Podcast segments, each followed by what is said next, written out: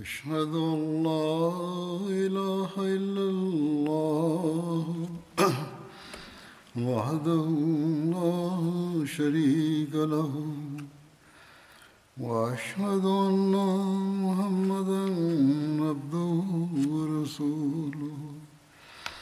أما بعد فأعوذ بالله من الشيطان الرجيم. بسم الله الرحمن الرحيم. الحمد لله رب العالمين. الرحمن الرحيم. مالك يوم الدين. إياك نعبد وإياك نستعين. اهدنا الصراط المستقيم. صراط الذين أنعمت عليهم غير المغضوب عليهم ولا الضالين.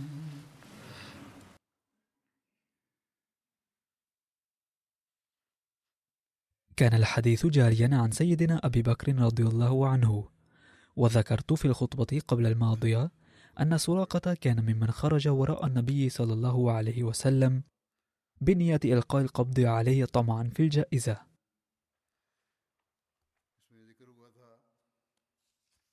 ولكن قدر الله وضع العراقيل أمامه.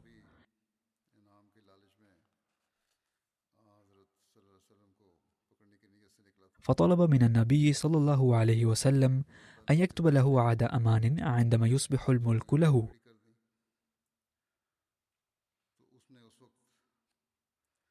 ففعل صلى الله عليه وسلم.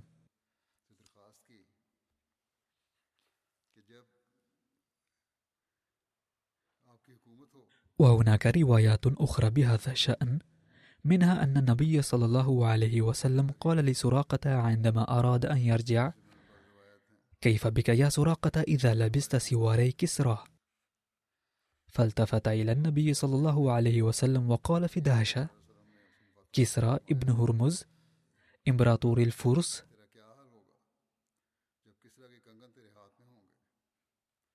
ثم في عهد خلافة سيدنا عمر رضي الله عنه جيء بسواري كسرى وتاجه ونطاقه.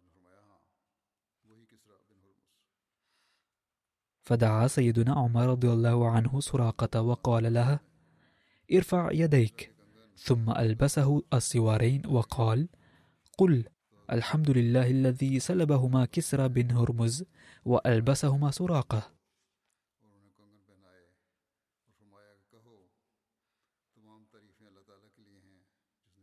وورد أيضا أن سراقة بن مالك لم يسلم في سفر الهجرة. بل أسلم عند الجعران عند عودة النبي صلى الله عليه وسلم من حنين والطائف. والجعران بئر قرب مكة ما بينها وبين الطائف. فقال له النبي صلى الله عليه وسلم يا سراقة كيف بك حين تلبس سواري كسرى؟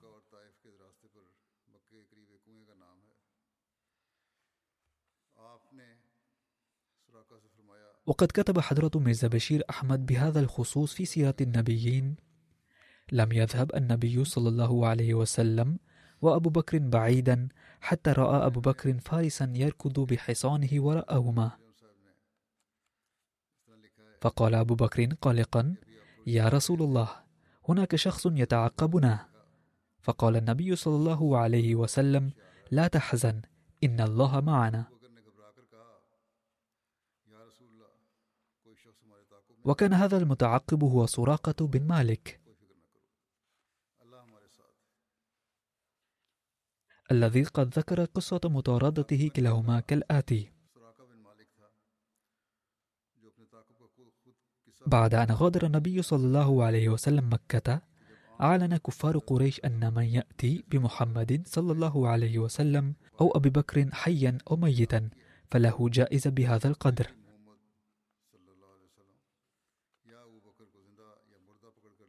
وقد أرسلوا رسلهم إلينا بهذا الإعلان. وبين أنا جالس في يوم من الأيام في مجلس من المجالس قوم بني مدلج إذ أتانا رسول من رسل قريش وقال لي يا سراقة إني رأيت آنفا أسودة بالساحل. إني أراها محمدا وأصحابه. قال سراقة فعرفت أنهم هم. ثم ذكر حضرة ميرزا بشير أحمد باقي التفاصيل التي قد سبق أن ذكرتها وهي أن سراقة قال إني خرجت وراءهما واستقسمت بالأزلام فخرج الذي أكره وساخت فرسي في الرمال فأدركت من كل ما حصل معي أن نجم النبي صلى الله عليه وسلم في صعود وإقبال.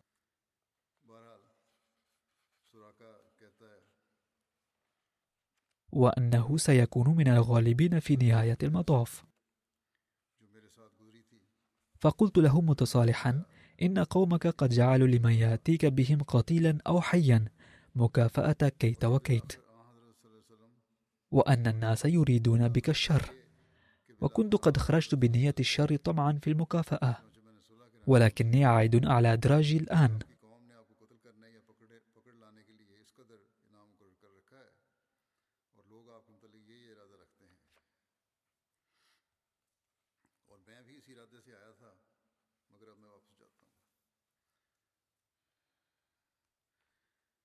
ثم ذكر حضرة ميرزا بشير أحمد باقي التفاصيل التي سبق ذكرها من قبل.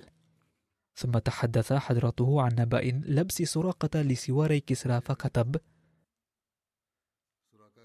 عندما أراد سراقة العودة قال له النبي صلى الله عليه وسلم كيف بك يا سراقة؟ إذا لبست سواري كسرى. فقال في دهشة كسرى ابن هرمز إمبراطور الفرس فقال صلى الله عليه وسلم نعم كسرى بن هرمز. فأصبح سراقة مذهولا. فأين عربي من الصحراء العربية وأين سواري كسرى إمبراطور الفرس ولكن انظروا إلى عجائب قدرة الله تعالى حيث فتحت بلاد الفرس في عهد خلافة سيدنا عمر رضي الله عنه وغنم المسلمون كنوز كسرى وجاءت أموال الغنائم إلى المدينة المنورة بما فيها سواري كسرى. فدعا سيدنا عمر سراقة الذي كان قد أسلم بعد فتح مكة وألبسه سواري كسرى المرصعين بمجوهرات لا تقدر بثمن. وقد قال حضرة المصلح الموعود رضي الله عنه وهو يتحدث عن هذه الواقعة أعلن أهل مكة بإعطاء جائزة مقدارها مئة جمل لمن يأتي بمحمد صلى الله عليه وسلم أو أبي بكر حيا أو ميتا. ونشروا هذا الإعلان في القبائل المحيطة بمكة. فخرج سراقة بن مالك أحد زعماء البدو في مطاردته صلى الله عليه وسلم طمعا في الجائزة. ولم يزل يركض بحثا عن النبي صلى الله عليه وسلم حتى لحق به في الطريق المؤدي إلى المدينة. لقد رأى شخصين على جملين فأدرك أنهما محمد صلى الله عليه وسلم وصاحبه. فركض بحصانه وراءهما. ثم ذكر حضرة المصلح المعود باقي القصة من تعثر حصانه وسقوطه واستقسامه بالأزلام. ثم يقول حضرته قال سراقة كان النبي صلى الله عليه وسلم سائرا على ناقته. ولم يلتفت إلي. أما أبو بكر فكان يكثر الالتفات والنظر خوفا على النبي صلى الله عليه وسلم. وبعد بيان تفاصيل واقعة التعقب سراقة للنبي صلى الله عليه وسلم قال حضرة المصلح الموعود عندما أراد سراقة العودة كشف الله تعالى للنبي صلى الله عليه وسلم الغيب عن مستقبل سراقة فقال بناء عليه يا سراقة كيف بك وسواري كسرى في يدك؟ فسأل في دهشة كسرى بن هرمز إمبراطور الفرس فقال صلى الله عليه وسلم نعم. لقد تحققت هذه النبوءة النبوية حرفيا بعد ستة أو سبعة عشر عاما. أسلم سراقة وهاجر إلى المدينة وبعد وفاة رسول صلى الله عليه وسلم وخلفه أبو بكر ثم عمر رضي الله عنهما وبرؤية قوة الإسلام المتنامية بدأ الفرس الهجوم على المسلمين. لكن بدلا أن يسحقوا المسلمين سحقوا بأنفسهم وديست عاصمة كسرى تحت حوافر خيول جنود المسلمين.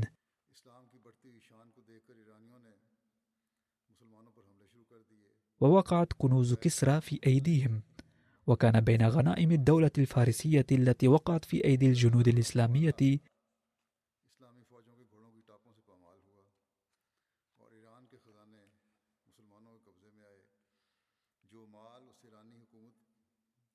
السواران الذهبيان اللذان كان يلبسهما كسرى عندما كان يجلس على العرش كعادة ملوك الفرس.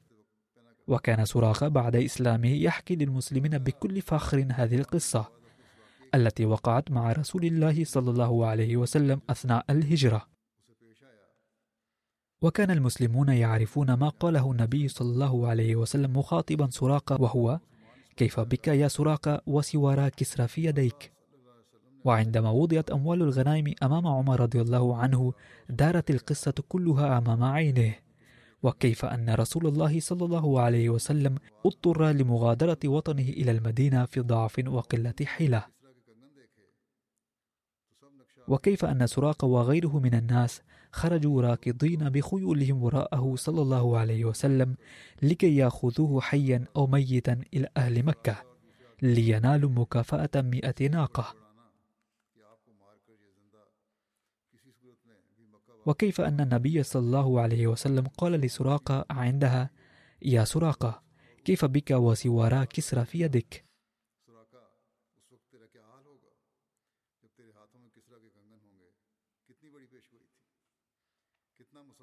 كم كانت هذه نبوة عظيمة وكم كان هذا غيبا مصفى.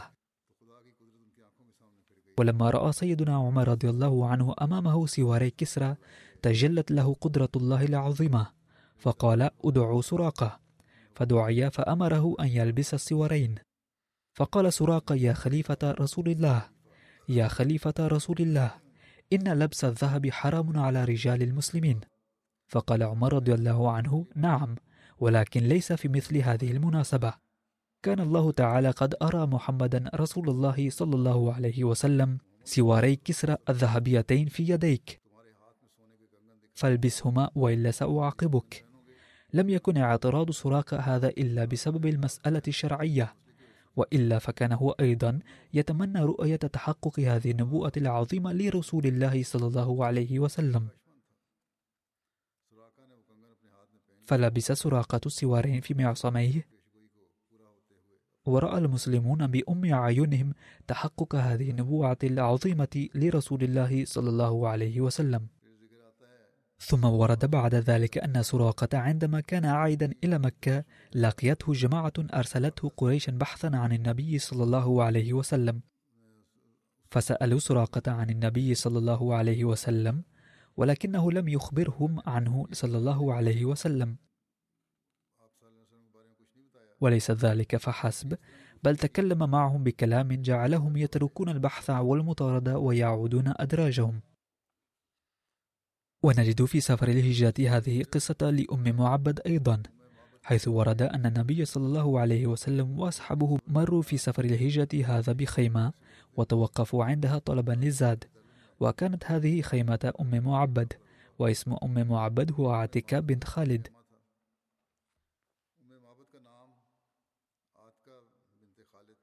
وكانت من الخزاعة من بني كعب وهي أخت حبيش بن خالد رضي الله عنه الذي كان صحابيا وكان له شرف الرواية عن النبي صلى الله عليه وسلم. وزوجها أبو معبد ويقال أنه أيضا قد روى بعض الروايات عن النبي صلى الله عليه وسلم. وتوفي في حياته صلى الله عليه وسلم. واسم أبو معبد غير معلوم.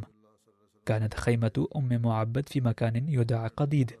وهي قرية قريبة من مكة وتقع على مسافة بضعة أميال من رابغ ناحية الجنوب. وهنالك كان الصنم الشهير لمنات الذي كان يعبده أهل المدينة. أم معبد كانت امرأة شجاعة وقوية. وكانت تجلس فناء خيمتها وتطعم وتسقي المارين بها. فسألها النبي صلى الله عليه وسلم وأصحابه لحما وتمرا ليشتروها منها.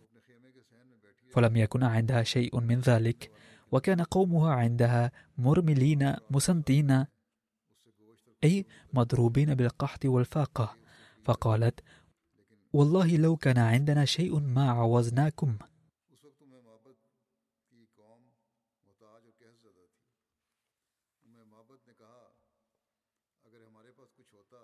فنظر رسول الله صلى الله عليه وسلم إلى شاة في كسر الخيمة فقال ما هذه الشاة يا أم معبد؟ قالت شاة خلفها الجهد عن الغنم أي لم تخرج من شدة ضعفها للرعي مع باقي القطيع قال هل بها من لبن؟ قالت هي أجهد من ذلك أي لن يكون بها لبن قال صلى الله عليه وسلم أتأذنين لي أن أحلبها؟ قالت بأبي أنت وأمي نعم إن رأيت به حلبا فأحلبها. فشأنك بها. فدعا بها رسول الله صلى الله عليه وسلم فمسح بيده درعها وظهرها وسمى الله عز وجل ودعا لها في شاتها فتفاجت عليه ودرت واجدرت ودعا بإناء يربض رهط فحلب فيه ثجا حتى علاه البهاء. ثم سقاها حتى رويت ثم سقى أصحابه حتى رووا. ثم شرب صلى الله عليه وسلم آخرهم وقال ساقي القوم آخرهم شربا. ثم حلب فيه ثانية بعد بدء حتى ملأ ليناح ثم غادره عندها. فبايعها وارتحلوا عنها.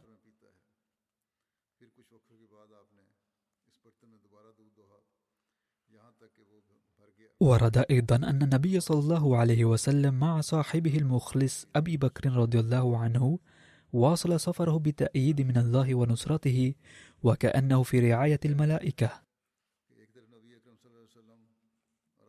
وفي طرف آخر لم يقبل أهل مكة الهزيمة بل كانوا يبحثون عنه باستمرار.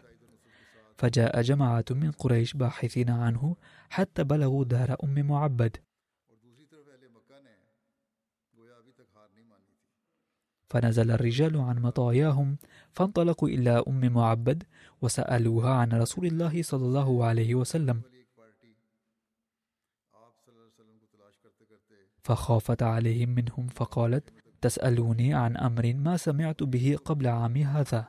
ما أدري ما تقولون.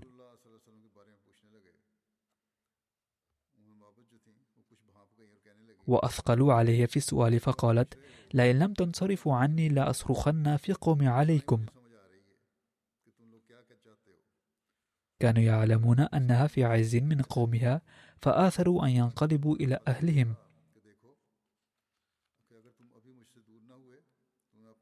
كان النبي صلى الله عليه وسلم في طريقه إذا لقي الزبير في ركب من المسلمين كانوا تجارا قافلين من الشام فكسى الزبير رسول الله صلى الله عليه وسلم وأبا بكر ثياب بياض.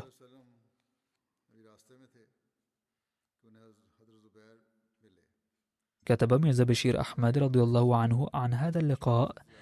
التقى النبي صلى الله عليه وسلم بالزبير بن العوام الذي كان عائدا إلى مكة مع مجموعة صغيرة من المسلمين بعد رحلة تجارية إلى الشام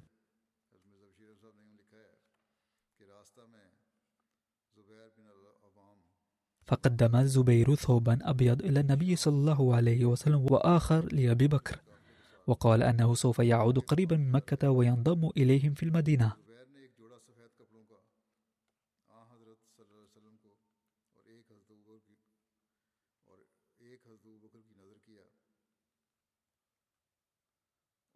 ثم هناك رواية لصحيح البخاري تقول بأن كثير من الناس لقوافل أخرى كانوا يعرفون أبا بكر رضي الله عنه لأسفاره التجارية في تلك الطرق. فكانوا يسألونه يا أبا بكر من هذا الرجل الذي بين يديك؟ فيقول هذا الرجل يهديني السبيل. قال فيحسب الحاسب أنه إنما يعني الطريق وإنما يعني سبيل الخير. كتب ميرزا بشير أحمد رضي الله عنه عن ذلك. كان أبو بكر رضي الله عنه لكونه تاجرا يسافر في هذه الطرق كثيرا.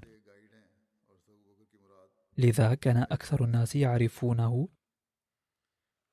ولكنه ما كانوا يعرفون النبي صلى الله عليه وسلم. لذا كانوا يسألون أبا بكر من ذا الذي يركب أمامه؟ فكان يرد عليهم هذا يهديني السبيل. فكانوا يظنون لعله دليل استأجره أبو بكر. ولكن كان أبو بكر رضي الله عنه يقصد شيئا آخر. وورد عن وصوله منزله أنه بعد ثمانية أيام بفضل الله تعالى وصل قباء في الطريق إلى المدينة. وجاء في رواية أن النبي صلى الله عليه وسلم ولد يوم الاثنين وخرج من مكة يوم الاثنين ودخل المدينة يوم الاثنين.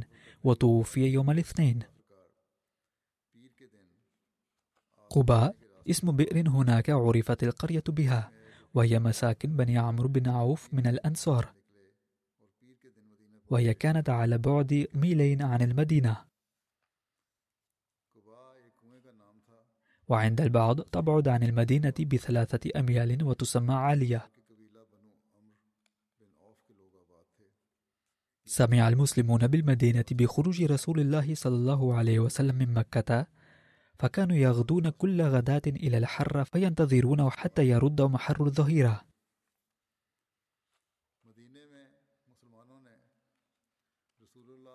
المدينة واقعة بين الحرتين الحرة أرض ذات حجارة صود نخرة وفي شرق المدينة حرة واقم وتسمى حر بني قريزة أيضا. والأخرى حرة الوبراء وهي على ثلاثة أميال من المدينة. فانقلبوا يوما بعدما أطالوا انتظارهم فلما أووا إلى بيوتهم أوفى رجل من يهود على أطم من آطامهم لأمر ينظر إليه. فباصر برسول الله صلى الله عليه وسلم وأصحابه مبيضين يزول بهم السراب فلم يملك اليهودي أن قال بأعلى صوته يا معاشر العرب هذا جدكم الذي ينتظرون فثار المسلمون إلى الصلاح فتلقوا رسول الله صلى الله عليه وسلم بظهر الحرة فعدل بهم ذات اليمين حتى نزل بهم في بني عمرو بن عوف. وذلك يوم الاثنين من شهر ربيع الأول. فقام أبو بكر للناس وجلس رسول الله صلى الله عليه وسلم صامتا. فطافق من جاء من الأنصار ممن لم يرى رسول الله صلى الله عليه وسلم يحيي أبا بكر حتى أصابت الشمس رسول الله صلى الله عليه وسلم. فأقبل أبو بكر حتى ظلل عليه بردائه فعرف الناس رسول الله صلى الله عليه وسلم عند ذلك. فلبث رسول الله صلى الله عليه وسلم في بني عمرو بن عوف بضع عشر ليلة. وبحسب, وبحسب رواية أخرى للبخاري لبث أربعة عشر ليلة وأسس المسجد الذي أسس على التقوى وصلى فيه.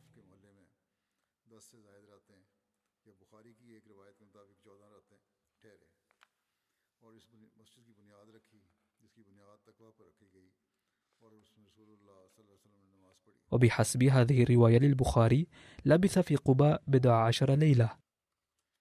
وبحسب رواية لبث في بني عمرو بن عوف أي في قباء أربعة أيام يوم الاثنين والثلاثاء والأربعاء والخميس. وخرج إلى المدينة يوم الجمعة. وفي رواية أخرى ورد أنه نزل بقباء اثنتين وعشرين ليلة.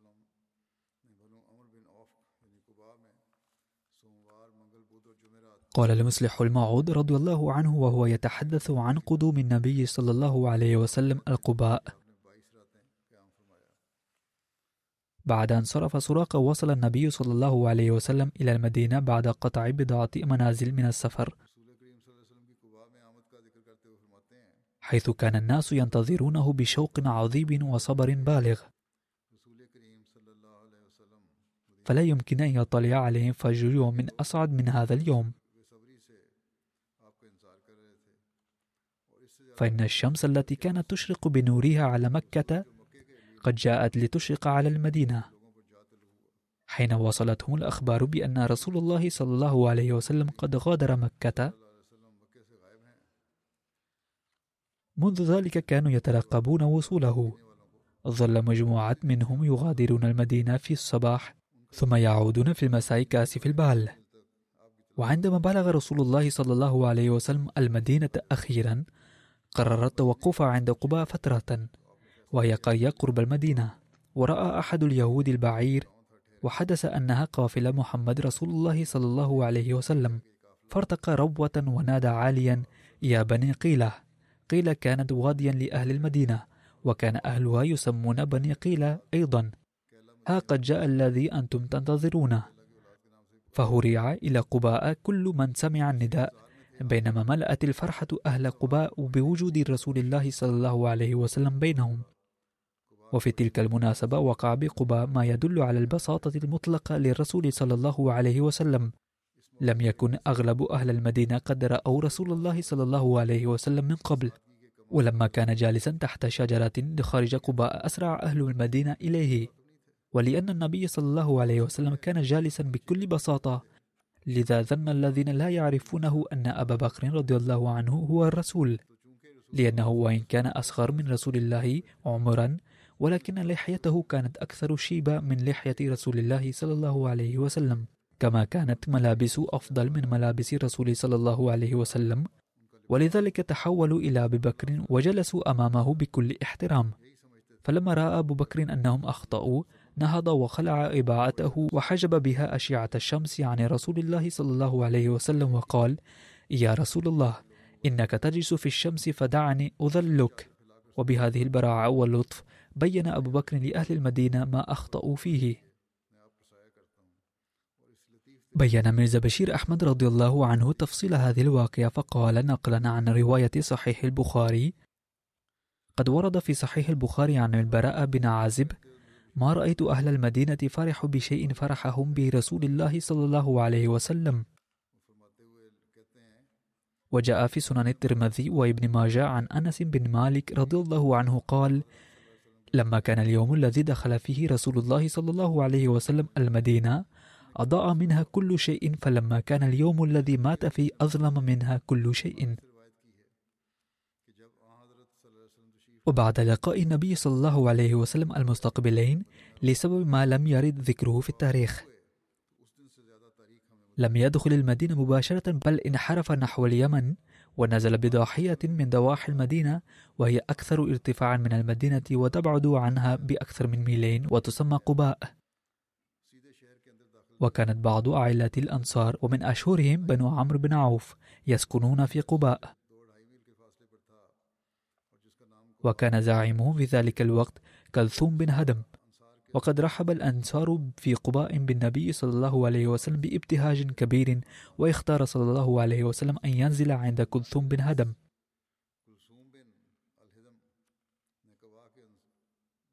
والمهاجرون الذين وصلوا إلى المدينة قبل حضرته صلى الله عليه وسلم كان معظمهم ما زالوا مقيمين في بيت كلثوم بن هدم وبعض الأنصار الكرام آخرين وربما لهذا السبب أراد النبي صلى الله عليه وسلم أن يقيم في قباء أولا. فانتشر خبر وصوله في المدينة كلها فورا وبدأ المسلمون كلهم يتوافدون إلى مقر حضرته بسرور.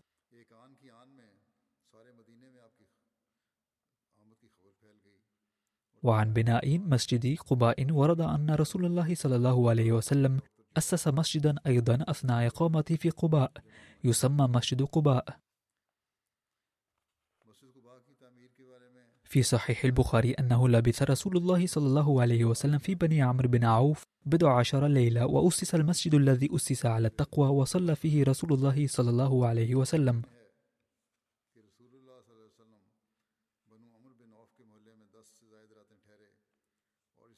وفي رواية أن رسول الله صلى الله عليه وسلم أسس المسجد لبني عمرو بن عوف وحين أسسه كان هو أول من وضع حجرا في قبلته ثم جاء أبو بكر بحجر فوضعه ثم جاء عمر بحجر فوضعه إلى حجر أبي بكر ثم أخذ الناس في البنيان. كان النبي صلى الله عليه وسلم حين بنى مسجد قباء يأتي بالحجر قد سحره إلى بطنه. كان الحجر ثقيلا جدا. فيضعه فيأتي الرجل يريد أن يقله فلا يستطيع حتى يأمره أن يدعه ويأخذ غيره.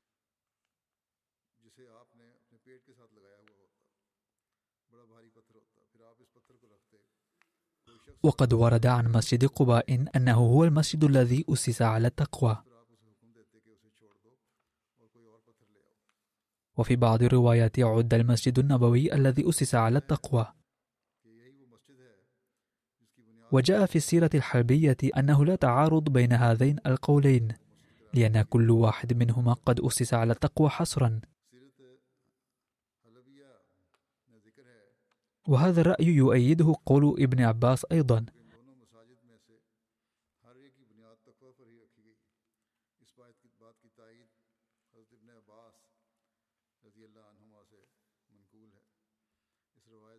فكان يرى أن جميع مساجد المدينة بما فيها مسجد قباء أيضا قد أسست على التقوى. أما الذي نزلت عنه آية فهو مسجد قباء حصرا.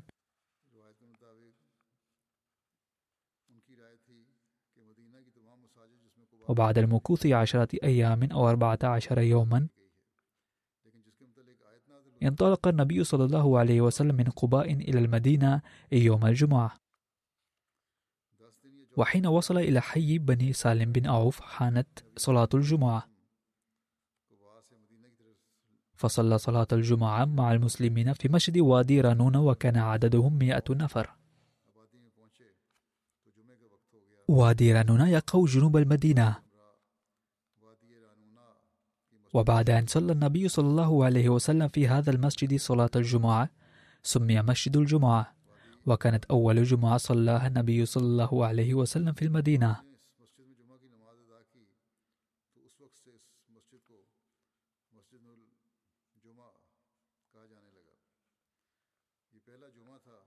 ومن المحتمل أن ذلك المسجد بني هنالك حق لاحقا. وسمي مسجد الجمعة لأن النبي صلى الله عليه وسلم صلى فيه الجمعة. ثم ورد أن النبي صلى الله عليه وسلم بعد الفراغ من صلاة الجمعة راكب راحلته وانطلق إلى المدينة. وكان قد أردف أبا بكر رضي الله عنه.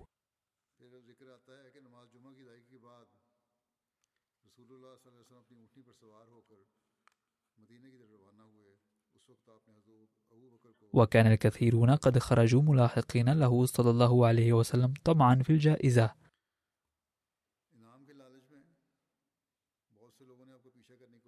وهناك قصة في كتب التاريخ كالتالي.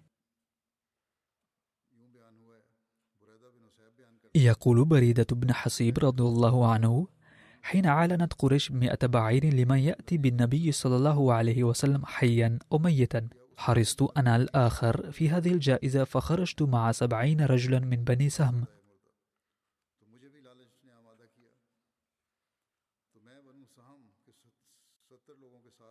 فوصلت إليه. فسألني صلى الله عليه وسلم من أنت؟ قلت بريدة. فالتفت إلى أبي بكر وقال له برد أمرنا وصلحه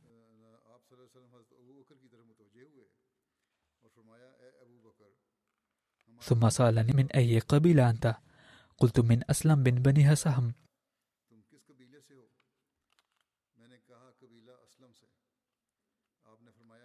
فقال النبي صلى الله عليه وسلم سلمنا وخرج سهمك يا أبا بكر.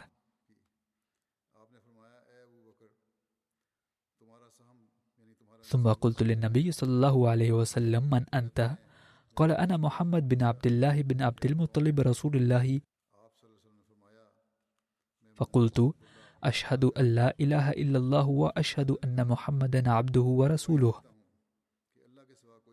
لقد أسلم بنو سهم طائعين غير مكرهين.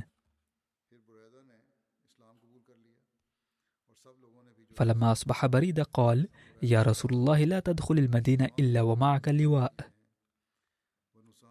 فحل عمامته ثم شدها في رمح ثم مشى بين يديه صلى الله عليه وسلم حتى دخل المسلمون المدينة. وعن وصول النبي صلى الله عليه وسلم إلى المدينة قد ورد في صحيح البخاري. عن أنس بن مالك قال قدم النبي صلى الله عليه وسلم المدينة. فنزل على المدينة في حي يقال لهم بنو عمرو بن عوف.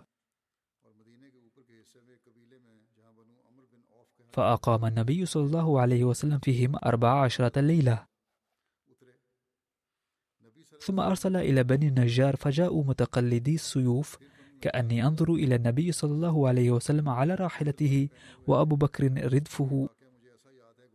وملأ بني النجار حوله حتى ألقى بفناء أبي أيوب. فعن ذلك يقول سيدنا ميرزا بشير أحمد رضي الله عنه بعد الإقامة في قباء بضعة عشر يوما انطلق النبي صلى الله عليه وسلم إلى المدينة في يوم الجمعة. وكانت معه جماعة كبيرة من الأنصار والمهاجرين. وكان يركب ناقة وأبو بكر رضي الله عنه ردفه. بدأ هذا الركب يتقدم إلى المدينة رويدا. في الطريق حان وقت صلاة الجمعة فتوقف النبي صلى الله عليه وسلم في حارة بن سالم بن عوف. فألقى خطبة وصلى الجمعة. يقول المؤرخون إن الجمعة كانت قد بدأت قبل ذلك إلا أنه صلى الله عليه وسلم في هذا اليوم صلى أول جمعة بنفسه وبعده راجت صلاة الجمعة بانتظام. ومن هنا أيضا يتبين أن ذلك المسجد بني لاحقا. وبعد صلاة الجمعة بدأ الركب يتقدم رويدا رويدا من جديد. وفي الطريق عندما كان يمر من بيوت المسلمين كانوا يعرضون عليه بكل سرور بيوتهم وأموالهم وأنفسهم ويتسابقون في ذلك ويقولون أن لهم منع أيضا فليمكث عندهم. لكنه كان يدعو لهم بالخير والسلام ويتقدم إلى المدينة. وصعدت نساء المسلمين وبناتهم سطوح بيوتهم وينشدن فرحة وسرورا أناشيد منها. طلع البدر علينا من ثنيات الوداع. وجب الشكر علينا ما دعا لله داع. كما كان الأولاد المسلمون يتغنون في الشوارع والأزقة فرحين مستبشرين بورود محمد رسول الله صلى الله عليه وسلم مدينتهم. كما كان العبيد الأحباش من المدينة يعرضون الألعاب بالسيوف ترحيبا به صلى الله عليه وسلم. فلما دخل النبي صلى الله عليه وسلم المدينة تمنى كل إنسان أن يقيم صلى الله عليه وسلم عنده. وكان كل واحد يعرض خدمته أكثر من غيره. لكنه صلى الله عليه وسلم كان يكلمهم كلهم بحب ولطف ويتقدم. حتى وصلت ناقته حي بني النجار حيث كان رجال بني النجار يقفون في الصفوف مسلحين باستقباله صلى الله عليه وسلم. وكانت بنات القبيلة يضربن الدفوف ويتغنين. نحن جوار من بني نجار يا حبذا محمدا من جار.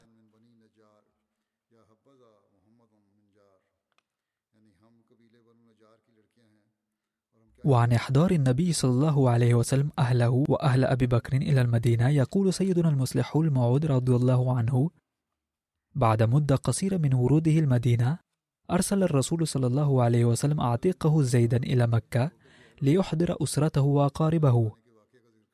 كان أهل مكة مذهولين بسبب مفاجأة هجرة النبي وأطباعه ولبعض الوقت لم يفعلوا شيئا يثير غضبه. وعندما غادرت أسرة الرسول مكة مع أسرة أبي بكر لم يثيروا لهم أية متاعب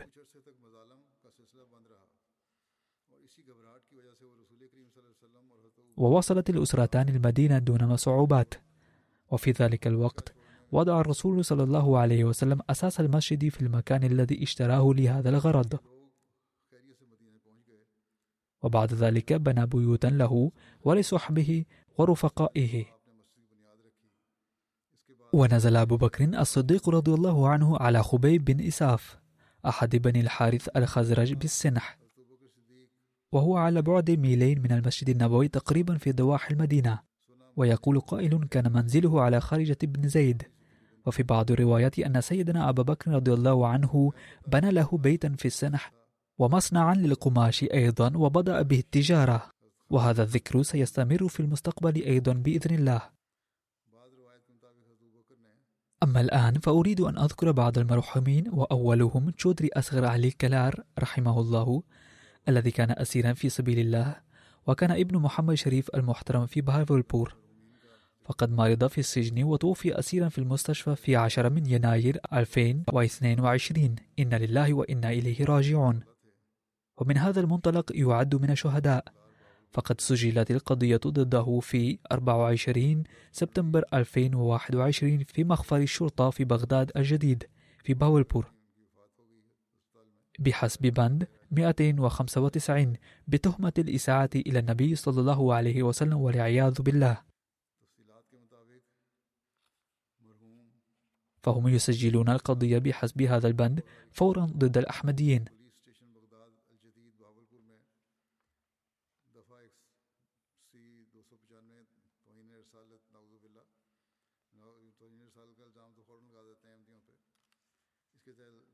واعتقل في 26 سبتمبر 2021 وألقي في السجن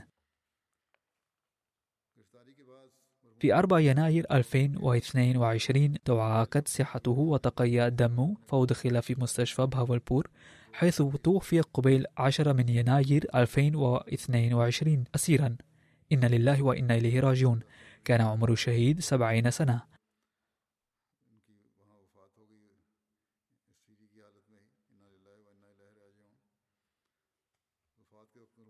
وكان طلبه عن الكفالة في المحكمة حيث يسمع له القاضي في الثامن من يناير 2022 لكن الشرطة لم تقدم السجل الكامل فأجل إلى 11 من يناير 2022 لكن المرحوم لبى نداء المالكي الحقيقي قبل ذلك فقد عاش أسيرا في سبيل الله ثلاثة أشهر وخمسة عشر يوما.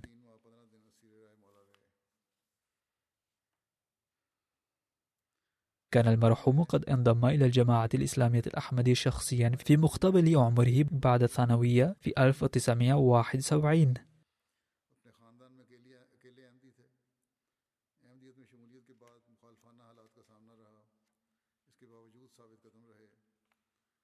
وكان أحمديا وحيدا في عائلته وتعرض للمعارضة أيضا لكنه ثبت.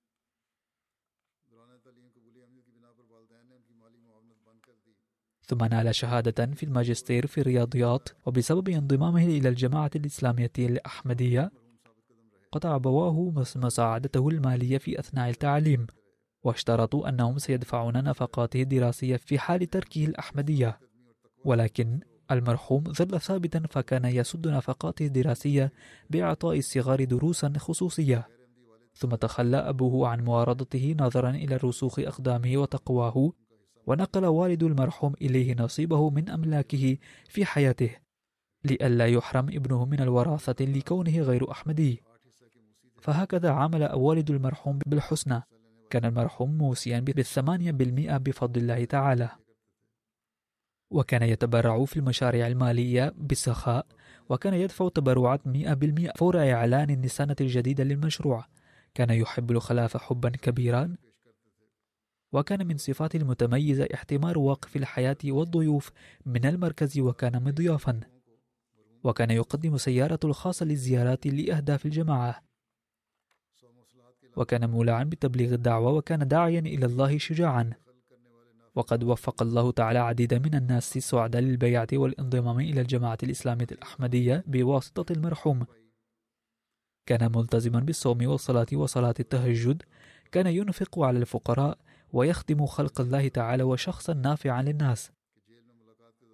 على الرغم من معارضة كل فرد من العائلة وفق للخدمة المالية والأخلاقية. كان يتمنى الشهادة بشدة وقد حقق الله تعالى أمنيته.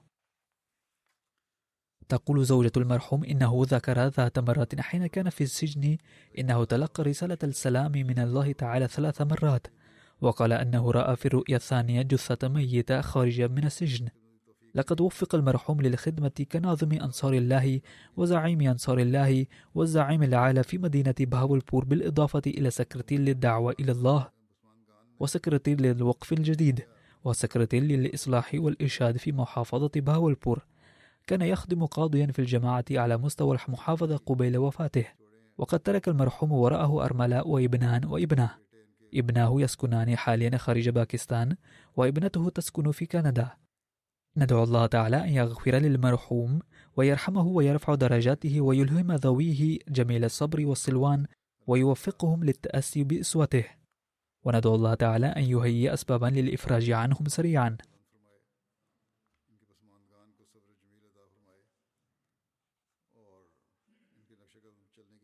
الجنازة الثانية هي للسيد مرزا ممتاز أحمد الذي كان يعمل في مكتب الوكالة العليا في ربوة. وقد توفي عن عمر يناهز 85 عاما. إن لله وإنا إليه راجعون.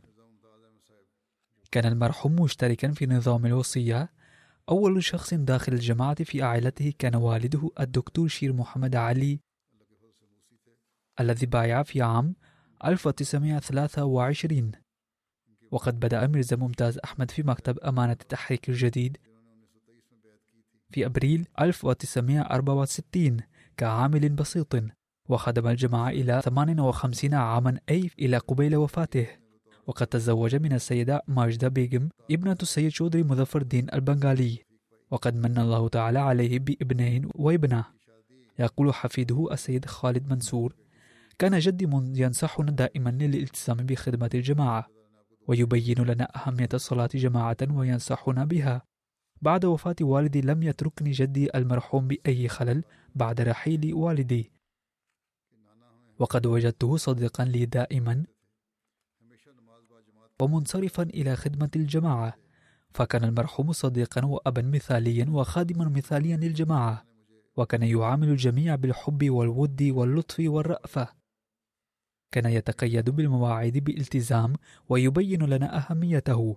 يقول السيد سعيد ناصر أحد العاملين معه. لقد أتيحت لي فرصة لمدة طويلة للعمل معه فكان يعمل بكل نزاهة وبعد إكمال عمله كان يساعد زملائه أيضا في أعمالهم. يقول داعية الجماعة السيد لقمان ثاقب لقد رأيت أنه مع ضعف صحته كان ينجز أعماله الموكلة إليه على أحسن وجه. كانت ذاكرته حادة جدا إلى آخر عمره. بحيث كان يبين أحداثا عن أي أمر مضت قبل عدة سنين وكان يخبر أن تلك القضية في طور كذا وكذا وفي ملف كذا وكذا. كان يحب المزاح الطيب ويتمتع به والخوض في كلام فارغ بلا معنى لم يكن من عادته. وإذا بقي وقت بعد إكمال أعماله كان يأخذ ملفا من الملفات القديمة ويقرأه جالسا في المكتب. يقول الدكتور سلطان أحمد مبشر كان المرحوم يتحلى بتواضع شديد. كلما جاء إلى المشفى كان ينتظر دوره على الرغم من كونه خادما قديما للجماعة ولم يتسرع قط. كان من صفاته البارزة الاعتراف بالجميل والامتنان. وكان إنسانا صبورا جدا. على الرغم من مرضه الطويل وشدة المعاناة لم يتخلى عن الصبر إن دائرة أصدقائه لم تكن واسعة كثيرا ما عدا بعض الأصدقاء من المكتب. وقد رأيت أنا أيضا أن المرحوم كان قليل الكلام فكان من عادته المستمرة أن يذهب إلى المكتب ويعود منه إلى بيته فقط وقد أمضى حياته عاملا بجهد كبير وحب وإخلاص. ندعو الله تعالى أن يغفر له ويرحمه ويوفق أولاده أيضا للاستمرار في حسناته. الذكر التالي هو للواء المتقاعد الدكتور عبد الخالق الذي عمل مديرا في مصفى فضل عمر بربوة.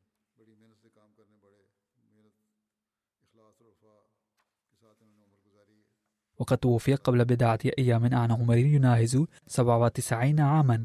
إن لله وإنا إليه راجعون. كان مشتركا في نظام الوصية بفضل الله تعالى. ودخلت الأحمدية إلى عائلتي بواسطة والده ميا محمد عالم الذي بايع في عام 1919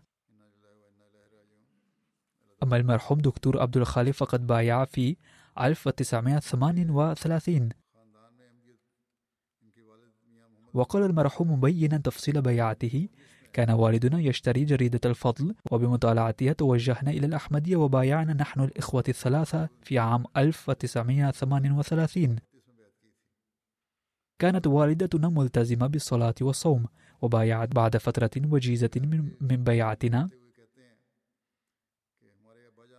اشتركت في جلسة يوبيل في قاديان لأول مرة في عام 1939 ثم وفقت للاشتراك في معظم الجلسات.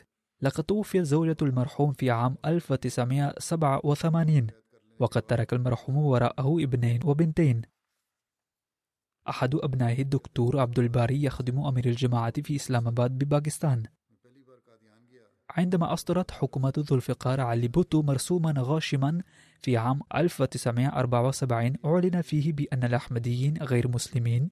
استقال المرحوم من الوظيفة الحكومية وقدم خدماته في مشروع نصر الجهان وأرسله المركز إلى سيراليون في عام 1977 حيث وفق للخدمة البشرية إلى ثلاثة أعوام. وفي عام 1992 بدأت شرطة طيران باكستانية رحلاتها إلى تشانك ندر فانتهز المرحوم الفرصة وقدم طلبا للوقف المؤقت في تشانكند وأوزبكستان قبل المركز طلبه وقضى مع أخته الصغرى أيام الوقف المؤقت في سمركند وبخارى. وفي هذه الأثناء قدم للبشرية خدمات عفيفة. كما وفق لتبليغ دعوات الجماعة أيضا. في عام 1994 عينه سيدنا الخليفة الرابع رحمه الله مديرا لمشفى فضل عمر بربوة حيث خدم إلى عام 2005 أي أكثر من عشر سنين. وفي فترة إدارتي أكملت عدة مشاريع لتوسيع وبناء مبان جديدة في المشفى. يقول أحد أبنائه كانت عاطفة الخدمة عند المرحوم قوية على الرغم من بلوغه من العمر 80 أو 81 عاما. ولكنه كان يشعر بتقدم سنه حتى قدم في عام 2005 طلبا للتقاعد وقبل طلبه ثم استقر في إسلام آباد بباكستان بصورة دائمة. وظل يخدم الجماعة هناك كقاض محلي. يقول ابنه الأكبر الدكتور عبد الباري كان المرحوم دائم الاهتمام بتربية الأولاد دينيا وأخلاقيا. كان يحب تلاوة القرآن الكريم صباحا ومساء. ويقوم بها كهواية مفضلة له. كان يصدر أحكاما في القضايا في ضوء القرآن الكريم. يقول سهر الدكتور مظفر علي ناصر وهو نائب أمير الجماعة في جماعة محافظة وهبكنت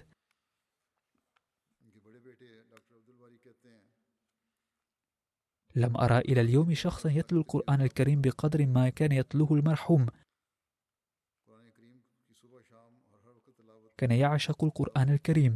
عندما خرج من المشفى قال الموظفون بشدة الحنين له من يسمعنا القرآن الكريم الآن؟ إن التزامه بالتهجد في الشتاء والصيف كان قدوة لنا. كان يحب الخلافة والجماعة حبا كبيرا. كانت حياته بسيطة ولم يقدم أي شكوى قط. يقول سيد عبد الصمد رضوي حفيد أخيه لقد تحمل كل معاناة لنيل رضا الله تعالى وتخلى عن أسباب سعادته. لقد أتيحت لي الفرصة للمكث في بيته في ربوة مرارا. وكان وجود المرحوم بسببا في معرفة الله الحي. كانت صلاته للتهجد عديمة المثال. كان حب الخلافة واحترامها راسخ في قلبه. وكان سببا لتربيتنا على أحسن وجه. يقول الدكتور عبد الخالق الذي يخدم في مشفى فضل عمر في ربوة كان المرحوم يعامل الأطباء الشباب في المشفى بحب ولطف. وكان يوجه الأطباء القدامى إلى تربية الأطباء الشباب. كان يحافظ على أموال المشفى بأمانة ويساعد الفقراء من جيبه الخاص. يقول الدكتور محمد أحمد أشرف كان المحروم يتحلى بأخلاق فاضلة لين القلب ولطيفا جدا وقليل الكلام. وكان يهتم بأدق الأمور من الناحية الإدارية. ويلتزم بالمبادئ. كان يحث الأطباء الآخرين بمن فيهم أولاده وصهره على الخدمة في مشفى فضل عمر بصورة الوقف المؤقت. ندعو الله تعالى أن يغفر للمرحوم ويرحمه ويوفق أولاده للاستمرار في حسناته. بعد الصلاتين سأصلي صلاة الغائب على المرحومين.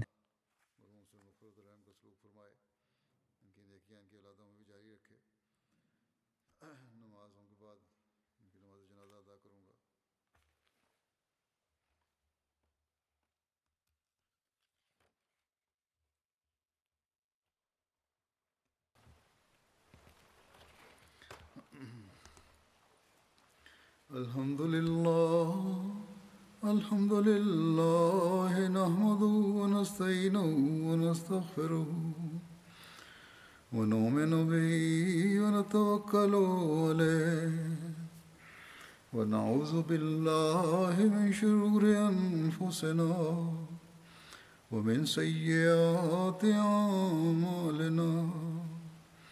من يهده الله فلا مضل له ومن يضلل فلا هادي له. ونشهد أن لا إله إلا الله.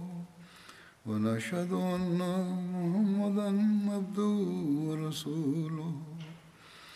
عباد الله رحمكم الله. إن الله يأمر بالعدل والإحسان. وإيتاء ذي القربى وينهى عن الفحشاء والمنكر والبغي يعظكم لعلكم تذكرون. اذكروا الله يذكركم وادعوه يستجب لكم ولذكر الله